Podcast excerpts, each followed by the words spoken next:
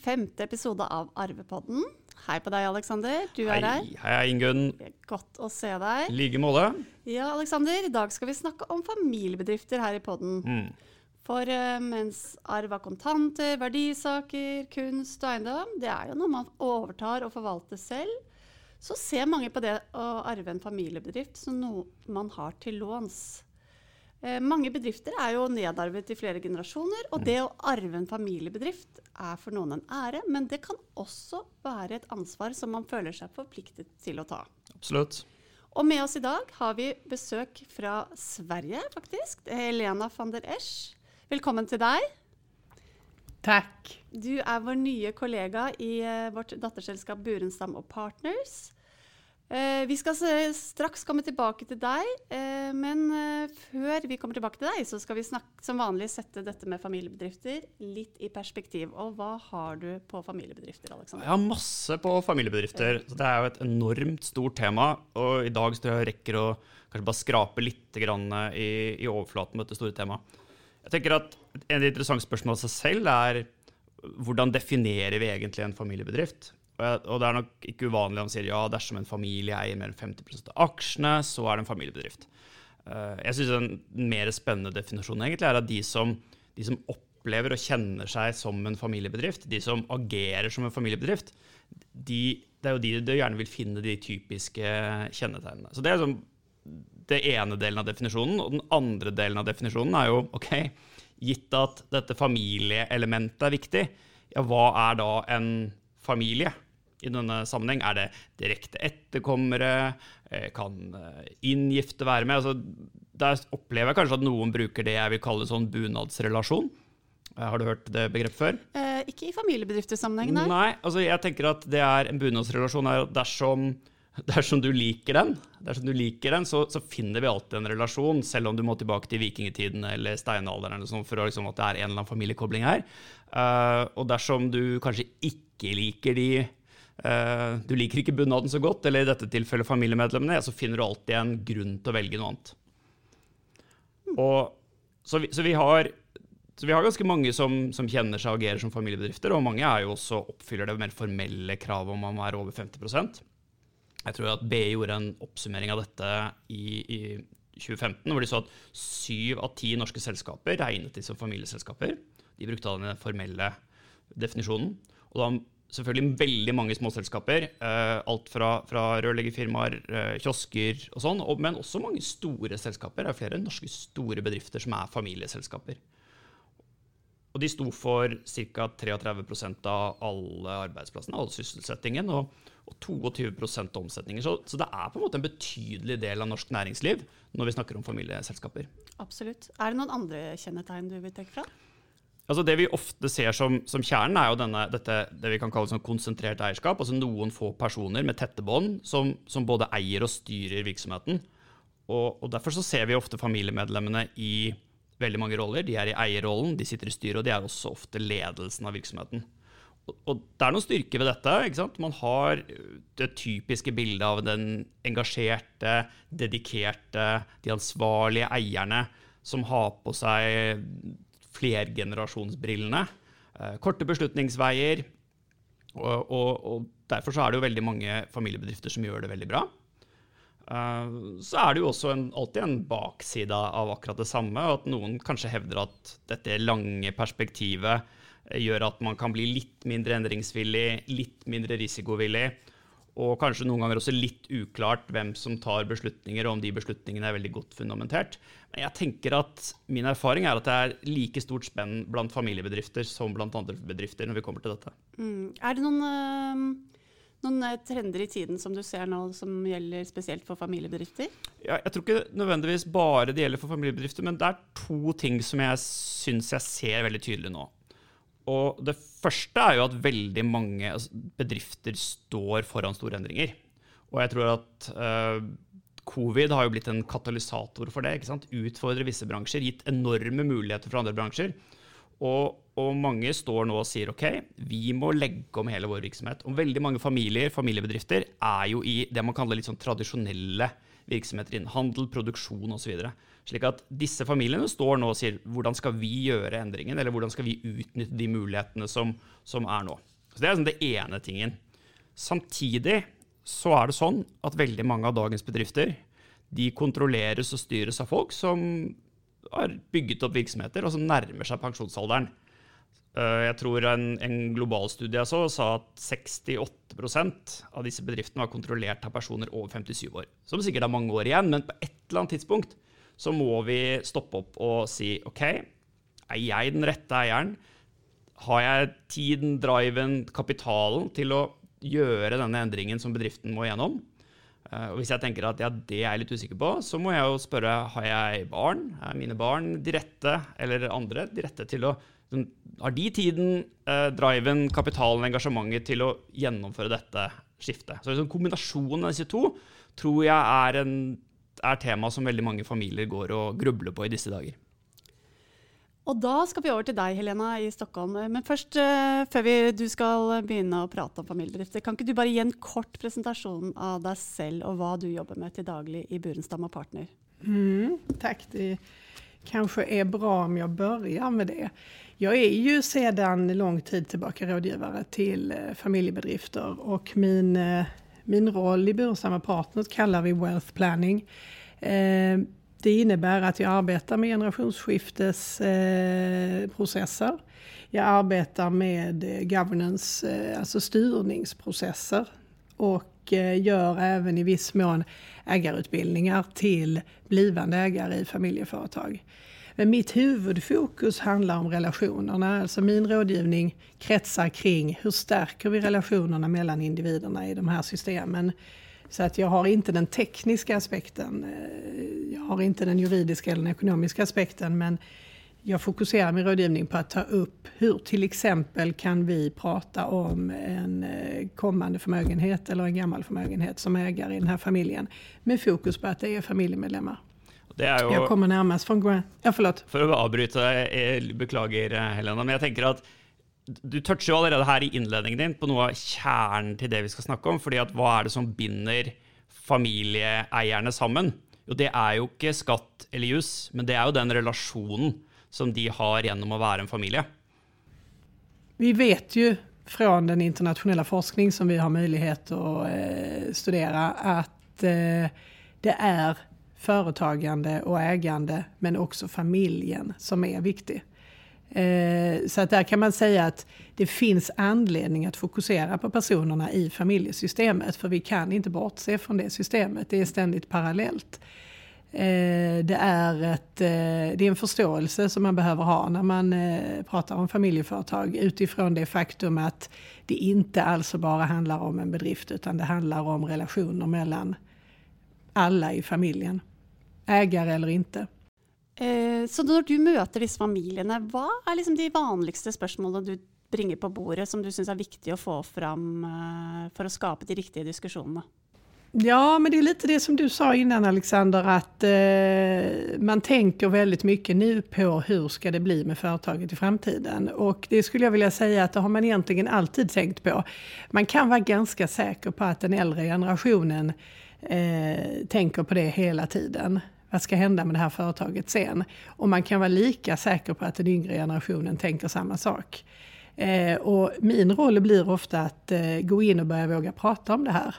Vad är det vi tänker på? Och jag brukar, jag brukar säga det att det spelar ingen roll vad det är, hur gammalt familjeföretaget är eller vad det är man sysslar med, vilken bransch man är i eller hur, eh, hur stort eller litet företaget är så kan man vara ganska säker på att båda, om det är till exempel två generationer vi har att göra med, tänker på detta. Så för mig är det viktigt att få upp den frågan tidigt. Vad är det ni är oroliga för för framtiden? Och då är det ofta det här, hur ska det gå med företaget i framtiden? Vem är det som ska leda det och utveckla det vidare? Tänker de likt när du möter då kanske flera generationer? Ja, det är ganska intressant för att de tänker mycket mer likt än vad man vill tro. Eh, när, man, när man vet vad man sysslar med, när man, när man eh, faktiskt är, har fått lite erfarenhet kring de här frågorna så kan man se ett mönster. Sen är ju alla familjer naturligtvis unika och eh, alla individer i familjer är unika. Men, men det, det finns ändå eh, en likhet. och det är ofta tillbaka på en ansvarskänsla. Alla känner ansvar. Eh, alla känner, man delar ofta, eh, även om man inte har uttalat det, så delar man värderingar. Man har värderingar i familjen som är betydande för hur man äger och hur man driver sitt företag. Och de är ofta ganska lika, men man kanske inte är så van vid att prata om det. Och det är den rollen som jag försöker fokusera på, att hjälpa till att prata om de här sakerna som förenar. Men varför är det så vanskligt att snacka om dessa tingene inom i familj? Ja, så där kan man ju bara gå till sig själv. Det finns ju rätt många saker som man undviker att prata med sina familjemedlemmar om ja. i den kanske vidare kretsen än sina barn eller sin eh, partner. Så att det blir ju inte enklare för att man äger ett företag som har stora värden med massor med anställda som man har ansvar för. Mm. Så det är ju, eh, så det tror jag är en del. Sen är det ju också så här att man kanske inte har fått möjlighet att reflektera kring vad man vill med sitt liv än. Om man är väldigt ung eller om man kanske är väldigt eh, mycket äldre men ändå har kastats in i ett ägande och företagande av olika orsaker ganska snabbt så kan det ju hända att man inte har haft möjligheten, man har inte bjudits in till att få lov att reflektera. Eh, och då är man inte van vid det. Jag brukar försöka fokusera på att hitta vad finns det för kommunikationsmönster i, det här, eh, i den här familjen.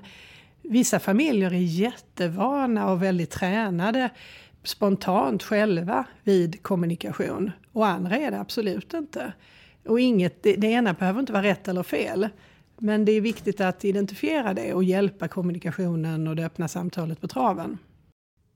Men Märker du någon skillnad i pliktfølelsen till den generation som växer upp nu i förhållande till den generation som kanske sitter på ägarsidan idag? Då tänker jag i förhållande till det og de, øh, hur de ser på plikten till att ärva ett företag. Alltså jag tycker att man känner att alla har en plikt, alla känner ett ansvar. Men däremot så är det ju som det har varit i alla tider stor skillnad i synen på vad, med, vad ska jag uträtta i mitt liv beroende på vilken generation man befinner sig i. Och vi har ju den här fantastiska förmånen som rådgivare till ägare att sen rätt många år tillbaka ha kunskap om hur olika generationer definierar sig och vad olika generationer har behov av. Och det kan vi ta hjälp av i den här typen av arbete. Det hade man inte förr. Och eh, därför så vet vi ju det nu att vi kan hjälpa familjerna att prata om att ni, ni ser ju på saker och ting på lite olika sätt för att ni har vuxit upp i, i olika tider, ni har gått i olika typer av utbildningssystem. Eh, samhället har förändrats så att man behöver bara hjälpa det på traven. Men alltså ursprunget är det så här att har man vuxit upp i ett familjeföretag så har man oftast en otrolig pliktkänsla. Man har ett ansvar man är uppvuxen med att man runt köksbordet har pratat om ansvar för anställda, eh, ansvar för företagets utveckling. Man är medveten om om företaget går bra eller dåligt. Kanske inte för att föräldrarna pratar om siffrorna utan för att man kanske märker att familjen lever lite olika från ett år till ett annat och att man sen förstår att det är kopplat till resultatet i företaget såklart. Men jag tror att ursprungstanken för mig är i alla fall att jag upplever en väldigt, väldigt stort ansvar. Hvis du bare et, altså vi har ett begrepp i, i Norge som heter slekt ska följa släkters gang. Altså det är veldig sånn eh, Det gjentas og gjentas. Vi, vi, vi viderefører og vi viderefører. Samtidig så mm. møter jeg en del familier som, hvor de er veldig tydelige på at jeg vil at mine barn skal finne, selv finne ut hva de ønsker, hva de ønsker mm. å gjøre i livet. De ska ta sig en mm. utdanning som gör att de kan ja, göra fria val. Jag har kanske innerst inne ett hopp om att de vill finna tillbaka och önska jobba i familjebedriften, men, men jag önskar att de först ska finna ut vad de vill. Är det mm. mm. Möter du också sådana familjer? Absolut. Jag tror att vi har jag tror att vi har den inställningen över hela världen. Jag möter den på olika sätt i olika delar av världen. Jag har ju förmånen att få jobba med familjer i olika eh, lite överallt och det yttrar sig på olika sätt i olika delar av världen. Eh, men jag skulle vilja säga att det är ju inte alltid ett privilegium att få lov att helt själv, eller åtminstone tvingas in i att finna lyckan. Alltså, det, ibland kan det nästan vara enklare om du har en utstakad eh, framtid för att det här allt jag vill är att du bara ska komma på vad du själv vill göra. Den kan vara ganska svår för oss. det är ju, man brukar ju lite skämtsamt säga att jag undrar fortfarande vad jag ska bli av mig när jag blir stor. Men så att jag tror att här är det återigen så att jag tycker att det är en sympatisk inställning. Jag tycker att det är bra att man, säger, att man pratar på det sättet. Men jag tycker att man ska förstå att det behövs hjälp i den typen av resonemang. Och att det tidigt behövs kanske en form av planering för inte bara utbildning utan praktik i form av vad vill jag i så fall utveckla med mina färdigheter? Vad är jag bra på? Och hur gör jag det tillsammans med andra? Så att vi inte bara låter, inom min bransch så säger vi Next Generation Owners, vi, vi, lite slarvigt pratar vi om Next Gens. Men Next Generation Owner är ju en person som oftast är i ett sammanhang med andra.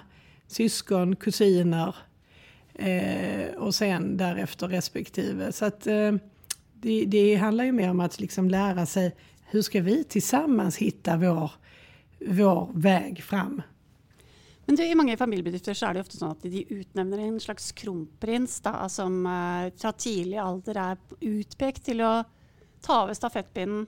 Gjelder det fortsatt, eller er det litt mer åpent nå i søskenflokken hvem som tar over? Nu, ursäkta, nu har vi en kronprinsessa i Sverige så där har vi bytt. Viktig, viktig precisering. vi fokuserar lite mer på eh, prinsessorna. Eh, det är ju både det är ju både och. Det är klart att det är naturligt. Det blir ofta så här att man, man tittar ganska tidigt. Man kan inte hjälpa det. Vi är sådana alla föräldrar. Vi tittar på våra barn, vi jämför dem mellan varandra. Det är mänskligt, man gör det. Man kanske, man, man kanske är lite så här att ja, man förbereder. Eh, jag, jag vill ofta göra mina eh, uppdragsgivare uppmärksamma på att livet blir inte alltid som vi planerar och vi kan inte planera för en sån eh, tronföljd. Eh, vi pratar i det internationella kollektivet mer om att förbereda en generation. Vi förbereder ett antal syskon eller kusiner eller eh, hur många de nu är i den här familjen eller den här ägarkretsen. Vi förbereder alla. Sen förbereder man individuellt på olika sätt. Men det här att peka ut en, det blir eh, inte bara för tufft kanske för den personen. Det kan bli lite svårare för just den personen att göra det här valet som vi var inne på tidigare. Att, hur vill jag leva mitt liv? Om man tar på sig ett ansvar eh, för resten av sitt liv att leda ett företag. Men det är ju också så att det kan ju vara en risk med det. det. Det kanske är så att det uppstår en eh, situation som gör att den här personen inte kommer kunna ta det ansvaret eller ens kommer finnas kvar och kan göra det. Så på det sättet så pratar vi mer om att man förbereder en generation och det tycker jag är bland annat vi som rådgivare, det är vårt, det är vårt ansvar att lyfta in den diskussionen tidigt. Mm, så, ja, så det gäller att hålla uh, flere muligheter åpne i nästa generation. Det er, Man det kan ju ende med satsa på fel häst òg. Ja. Altså at uh, det visar sig mm. att uh, du har två barn, låt oss si kronprinsessen, da, for å passe på å mm. følge din och vara en litt nøytral her, så, så, så, kan det ju vara att at tenker, jo, det är helt rätt, både för henne och för bedriften. Mens, mens broren, da, for å holde til det, kanske gör en annan utdanning, en annan karriär. Men, men 10-15-20 mm. år senare så visar det sig kanske att det var han som kunde varit bäst skicket till att, till att leda den verksamheten eller ta en aktiv roll. Och, och då är det mm. dumt att ha satt alla pengarna på, på den ena häst, följde jag blir lite fel nu, men den, det ena barnet. Så, men, ja, låt oss gå över till att prata om hästar istället, det är mycket enklare. eh, jag tror att man också ska vara medveten om att när vi planerar generationsskiften idag, när vi gör en, en, eh, en noggrann eh, succession planning så, så tror jag man ska vara medveten om att vi, vi pratar om aktiva och passiva vi pratar om rolldefinition, vi pratar om ett aktivt och ett passivt engagemang.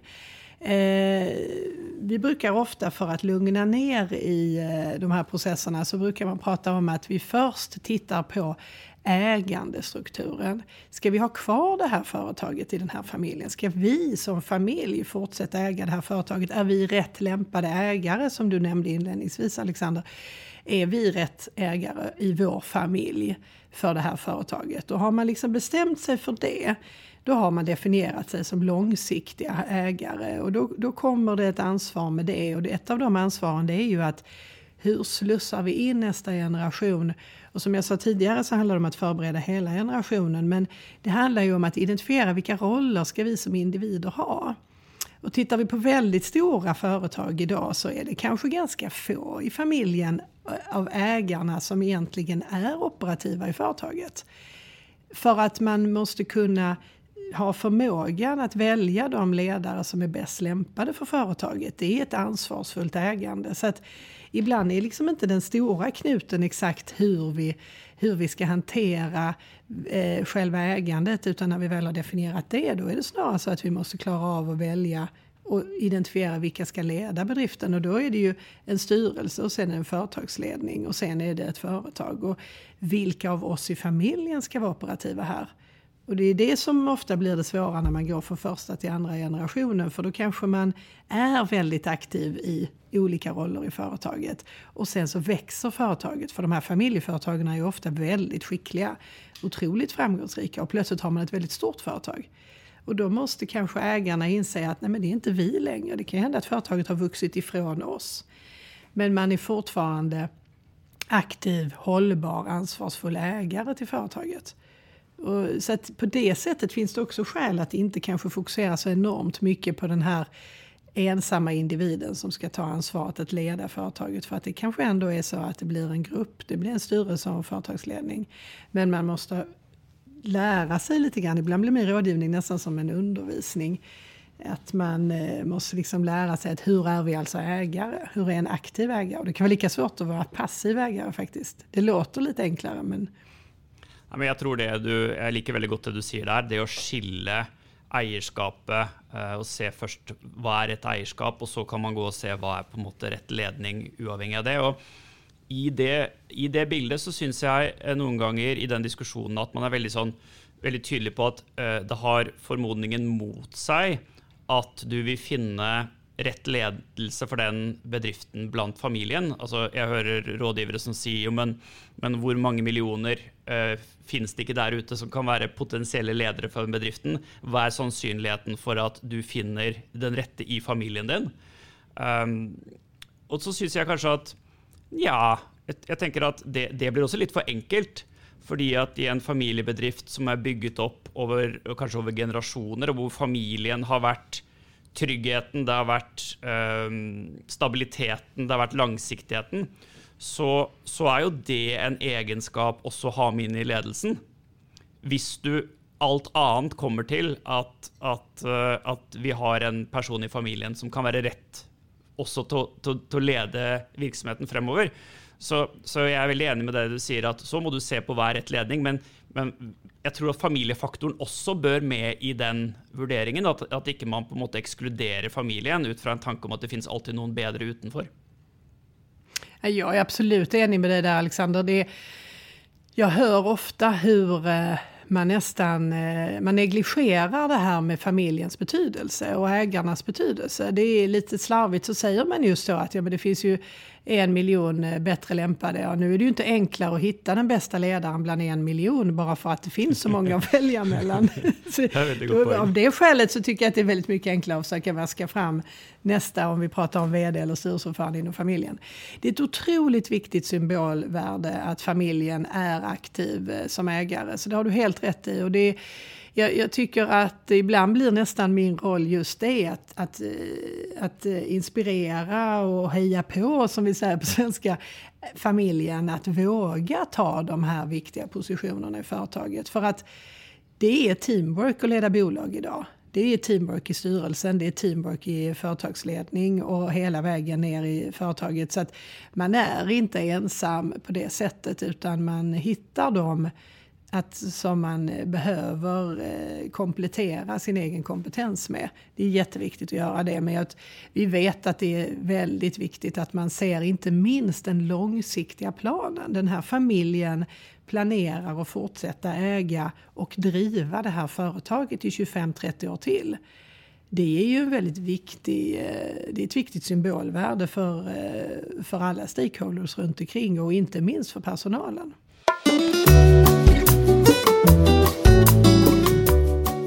Men uh, hvis det er noen av lytterne nå som tenker at eh, å, ja, jeg bør kanskje komme i gang med et generasjonsskifte, jeg ser at covid-19 har påvirket familien min, eller ikke familien, men bedrift, familiebedriften min uh, mye, det er litt usikkert fremover. Hvilke råd er det du tenker å gi dem i den situasjonen de står nå? Ja, jag brukar alltid säga att eh, till att börja med så är det ju aldrig för tidigt. Så att det är liksom, eh, det är bara att komma igång med det. Men man gör ju det enklast genom att man eh, försöker hitta någon form av extern hjälp. Eh, man försöker hitta de rådgivare som kan stötta oss genom den här processen. Och då blir det ofta så att man kommer in på vad man bör undvika istället för vad man bör göra. Men man bör se generationsskiftet som en process där faktiskt den största delen av processen är relationsarbetet och kommunikationen mellan den generation som ska lämna ifrån sig ägandet och den generation som ska ta över. Eh, sen när man har landat den delen av processen, då är det väldigt mycket enklare för de som ska ansvara för tekniken. Och med teknik så menar jag juridiska avtal och finansiering. Så jag tror att man ska försöka hitta de som kan hjälpa en genom processen. Eh, och i det sen så kommer det ju att var och en blir identifierad och att eh, man får välja eller får diskutera och resonera kring vilka roller var och en ska ta. Och sen så ska man vara lite noga också med att tänka på att alla bör vara inblandade. Man ska inte negligera någon i familjen. Man ska vara väldigt öppen med att in, initialt i en sån här process så behöver alla faktiskt vara involverade. Men det vet den typen av rådgivare som arbetar med den här typen av eh, processer. Så att det, brukar, det brukar säkerställas. Men det kan ibland vara så att man i familjen upplever att den eller den personen har aldrig varit särskilt intresserad och aldrig riktigt pratat så mycket om det här företaget. Så att hon eller han behöver inte vara involverade. Men, men eh, man har väldigt mycket att tjäna på att faktiskt alla blir involverade. Och så tillbaka till som jag sa först, det är bara vänta inte. Det kan kännas lite läskigt så att sen kanske man säger vi, kör, vi gör det efter sommaren eller efter jag, jul. Jag upplevde en familj här som väldigt tydligt uttalat att de hade ett mål med generationsskifte, att alla skulle vara vänner också eh, efterpå. Uh, och, och, det skapade några intressanta diskussioner med hur den processen då måste vara för att alla kunde fortsätta vara vänner uh, efter processen. Upplever du att familjer sätter den typen av mål Absolut. Alla mina uppdrag definieras alltid på det sättet att eh, vi, vill, vi vill vara goda vänner efter att det här är klart och vi vill gärna vara färdiga innan jul och så ringer man mig i oktober. ja. eh, och jag har ju lärt mig med åren att börja ifrågasätta hur goda vänner är ni idag?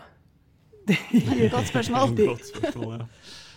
Men jag Ibland på, det, det, låter det som att man vill bli bättre vänner genom ett generationsskifte och det kan man faktiskt bli. Man kan mm. faktiskt bli det. Så det är klart att man ska i första hand värna familjerelationerna. Men ha ett ansvarsfullt eh, öga på företaget. Men upplever du um, ofta att man kommer närmare varandra man börjar att ta upp alla dessa lite obehagliga teman som kanske man har gått och gnagit lite?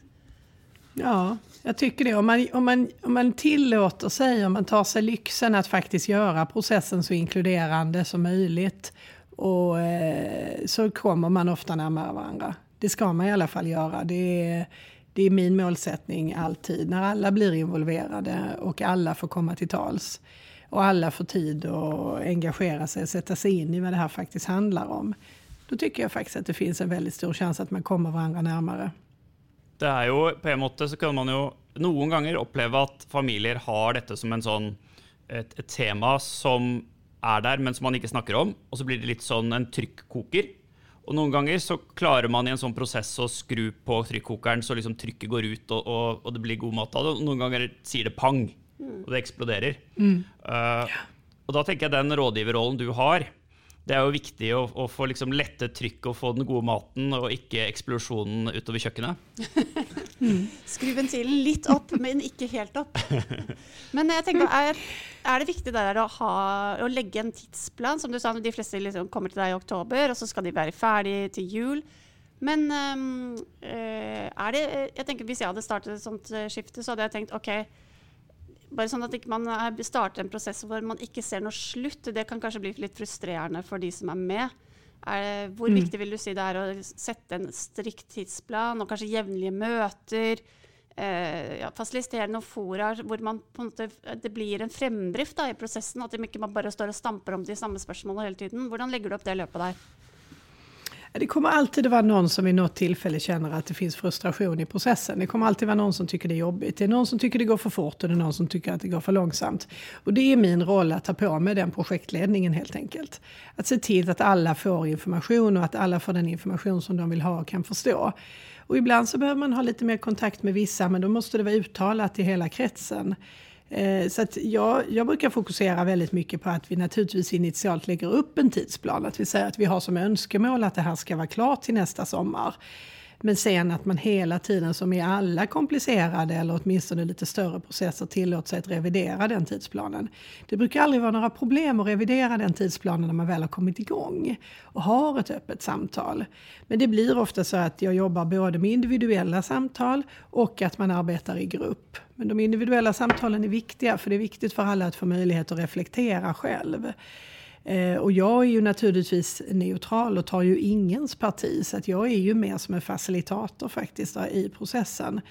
Men det är ju eh, oftast inga problem att man skjuter på tidsplanen när alla ändå vet och förstår varför det blir så. Ibland måste man stanna upp. Det kanske är någon som blir sjuk eller behöver fokusera på någonting som dyker upp i företaget eller vad det nu än kan vara. Det fanns ju många sådana här processer som var halvvägs när eh, pandemin, covid-19 slog till och då måste man kanske rikta om det fokuset. Men är det någon gång en rådgivarens roll kan eh, bli negativ för ett familjeföretag? Det finns tyvärr ganska många delar som kan vara negativt och det är tillbaka till det som vi pratade om inledningsvis och det är om man inte riktigt förstår vad familjesystemet betyder i relation till systemet företag och ägande. Och eh, jag klandrar inte de som inte förstår det, men eh, för det är, det är ganska svårt det här att eh, se det som ett, eh, ett, ett samarbete av tre system. Men det, finns, det är väldigt tufft det här familjesystemet. Det händer väldigt mycket där. Det är oerhört mycket känslor och vi, vi, vi har väldigt många olika eh, olika utmaningar mellan oss i en familj beroende på var i familjen man är och beroende på familjens historik. Så att som, det kan vara ganska vanskligt ibland eh, som rådgivare att komma in i de här processerna om man inte re, väldigt tidigt tittar på vad har vi i det här familjesystemet. På samma sätt som man också måste kunna identifiera vad är det här företaget och den här familjens historik. Hur startade allting två, tre, fyra, fem generationer tillbaka? Eller kanske bara för 10-15 år sedan. Och faktiskt kunna koppla det till var man är på väg framåt. Och sen som, som du var inne på innan Ingun, det här att faktiskt hålla processen vid liv, ändå försöka komma framåt hela tiden. Det är också väldigt viktigt och det, det kan bli negativt om man inte klarar av den, eh, den rollen. Eh, men jag tror att det, det allra viktigaste det är att man som rådgivare inte går in och tar parti för någon. Eh, för då kan man råka skapa konflikter som inte finns eller man kan, som kanske är allra vanligast, man råkar förstärka konflikter som vi skulle vilja neutralisera allra helst. Høres ut som egentlig du må være en god familieterapeut for å være en rådgiver i disse jeg tror i hvert fall at det du er innom, Helena, som, som, sier noe om å ta disse relasjonene på alvor altså, er, Jeg har truffet mange familier som, som eh, det, tar, det, tar, to minutter å overføre en aksje. Det tar ja, Brønnøysund er jo litt trege, så det tar kanskje en uke å registrere en ny daglig leder eller et nytt styre. Men, men mm. vi snakker dager. Um, og så har de gjort det. Och så möter jag eh, nästa generation och säger jo, jo, men ja, eh, aktien är överfört. Jag är inne i styret, men vi har ju inte gjort ett generationsskifte. Det, det, är fortsatt far eller mor som bestämmer. det är oklart hur vi i framtiden egentligen ska driva den här verksamheten. Vem ska ta vilka beslutningar och hur ska vi sörja för att de beslutningarna blir bäst mulig. Det, det är fortsatt något som är helt oavklart hos oss. Og da har man på en måte tatt teknikken, men man har hoppet over de relasjonene som, som du eh, snakker om i dag. Mm, absolut. Och där kan det ju också vara tillbaka till hur en rådgivare kan eh, bidra negativt. Att det faktiskt är en rådgivare som har föreslagit att det ska gå till på det viset. Och då blir det ju så. Men jag tycker det är väldigt klokt av dem eh, eh, så, eh, av de familjemedlemmar som kan identifiera det på det sättet och säga att nej, vi har inte gjort ett generationsskifte här, vi har bara överfört eh, aktie, aktierna till andra ägare. För det finns, det är inte alltid som man faktiskt kan se det så klart utan man faktiskt eh, tror att vi har gjort det och så blir det väldigt stor besvikelse när man inte får komma till tals eller man inte får gå in i de roller man tycker man har i styrelse eller ledning.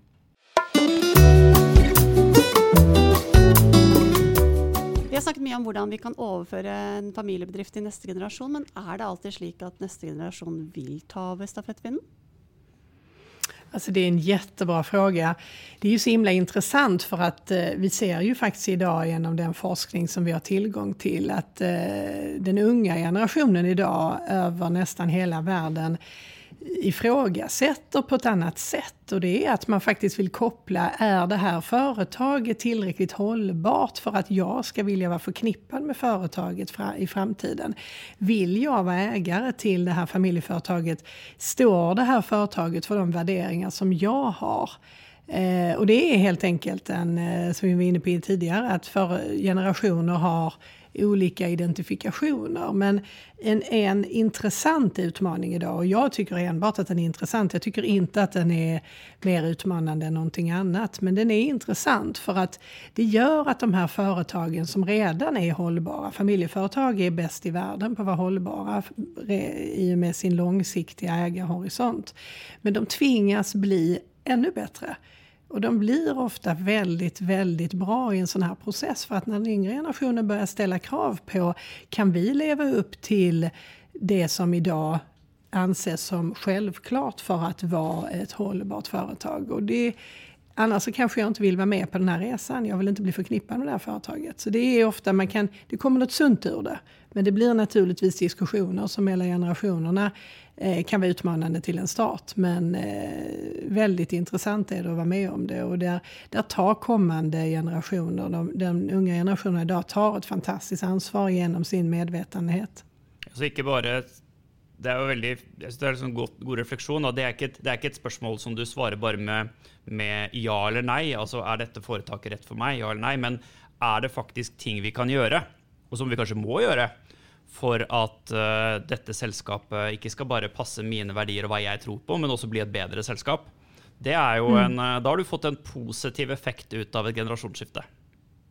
Absolut, och det är vår tids bästa sätt att eh, använda oss av familjeföretagen på och, och, och faktiskt eh, vara tacksamma för att man eh, är så engagerad och aktiv som ägare återigen i att faktiskt vilja utveckla sitt företag hela tiden efter de förväntningar och krav som vi har idag. Både i samhällets förväntningar men genom lagstiftning. Väldigt bra, eh, Helena. Du, eh, nå närmar vi oss en uh, avslutning här. Så tänkte vi skulle bara uppsummera med några goda råd på slutet uh, till dem som, till lyttarna. Uh, kan inte du ta en kjapp uppsummering nu? vilka goda råd, tre goda råd på vägen till den som tänker på ett generationsskifte, Helena? Jag tycker att man ska vara stolt. Jag tycker att man ska vara glad för att man har en sån fantastisk möjlighet. Som Alexander sa inledningsvis, majoriteten av våra näringsliv, både i våra två länder men i resten av världen, består av familjeföretag. Men det är ett otroligt stort ansvar i det privata ägandet och det tycker jag man ska vara stolt över. Och man ska ta hjälp, man ska hitta rådgivare som kan hjälpa en att känna den stoltheten och vara inspirerad och entusiastisk inför processen istället för att bli rädd för den och tycka att den är jobbig och svår. Eh, och sen så är det viktigt att man väljer rådgivare som alla känner förtroende för. Så att det inte bara är en eller två i kretsen av familjen, ägarna som har valt ut den här rådgivaren. Utan alla ska känna sig trygga med den rådgivaren. Och sen så får man väl lite grann skicka med ett eh, tredje råd i att hålla ut. Det är jobbigt ibland men ingenting blir värre eh, av att lämna processen halvvägs. Utan håll ut och gör det klart. Involvera alla och se till att det blir klart, även om det tar tid. Det är väl eh, ungefär så jag skulle vilja summera det. Jag syns det är väldigt goda råd, och jag tänker att uh, om man följer de, så är det ju goda möjligheter att inte generationsskifte blir den utmaningen vi snackade om inledningsvis, men tvärtom kan bli en möjlighet för familjen. Ja, och ta bedriften in i dagens uh, verden med de kravene som neste generasjon stiller.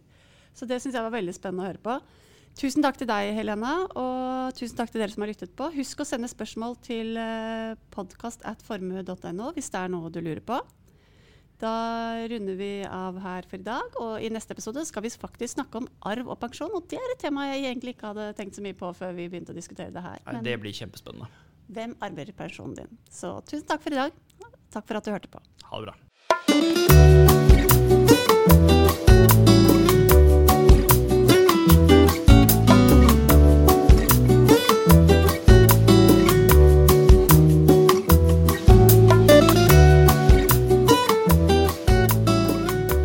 Podkast fra Formuesforvaltning.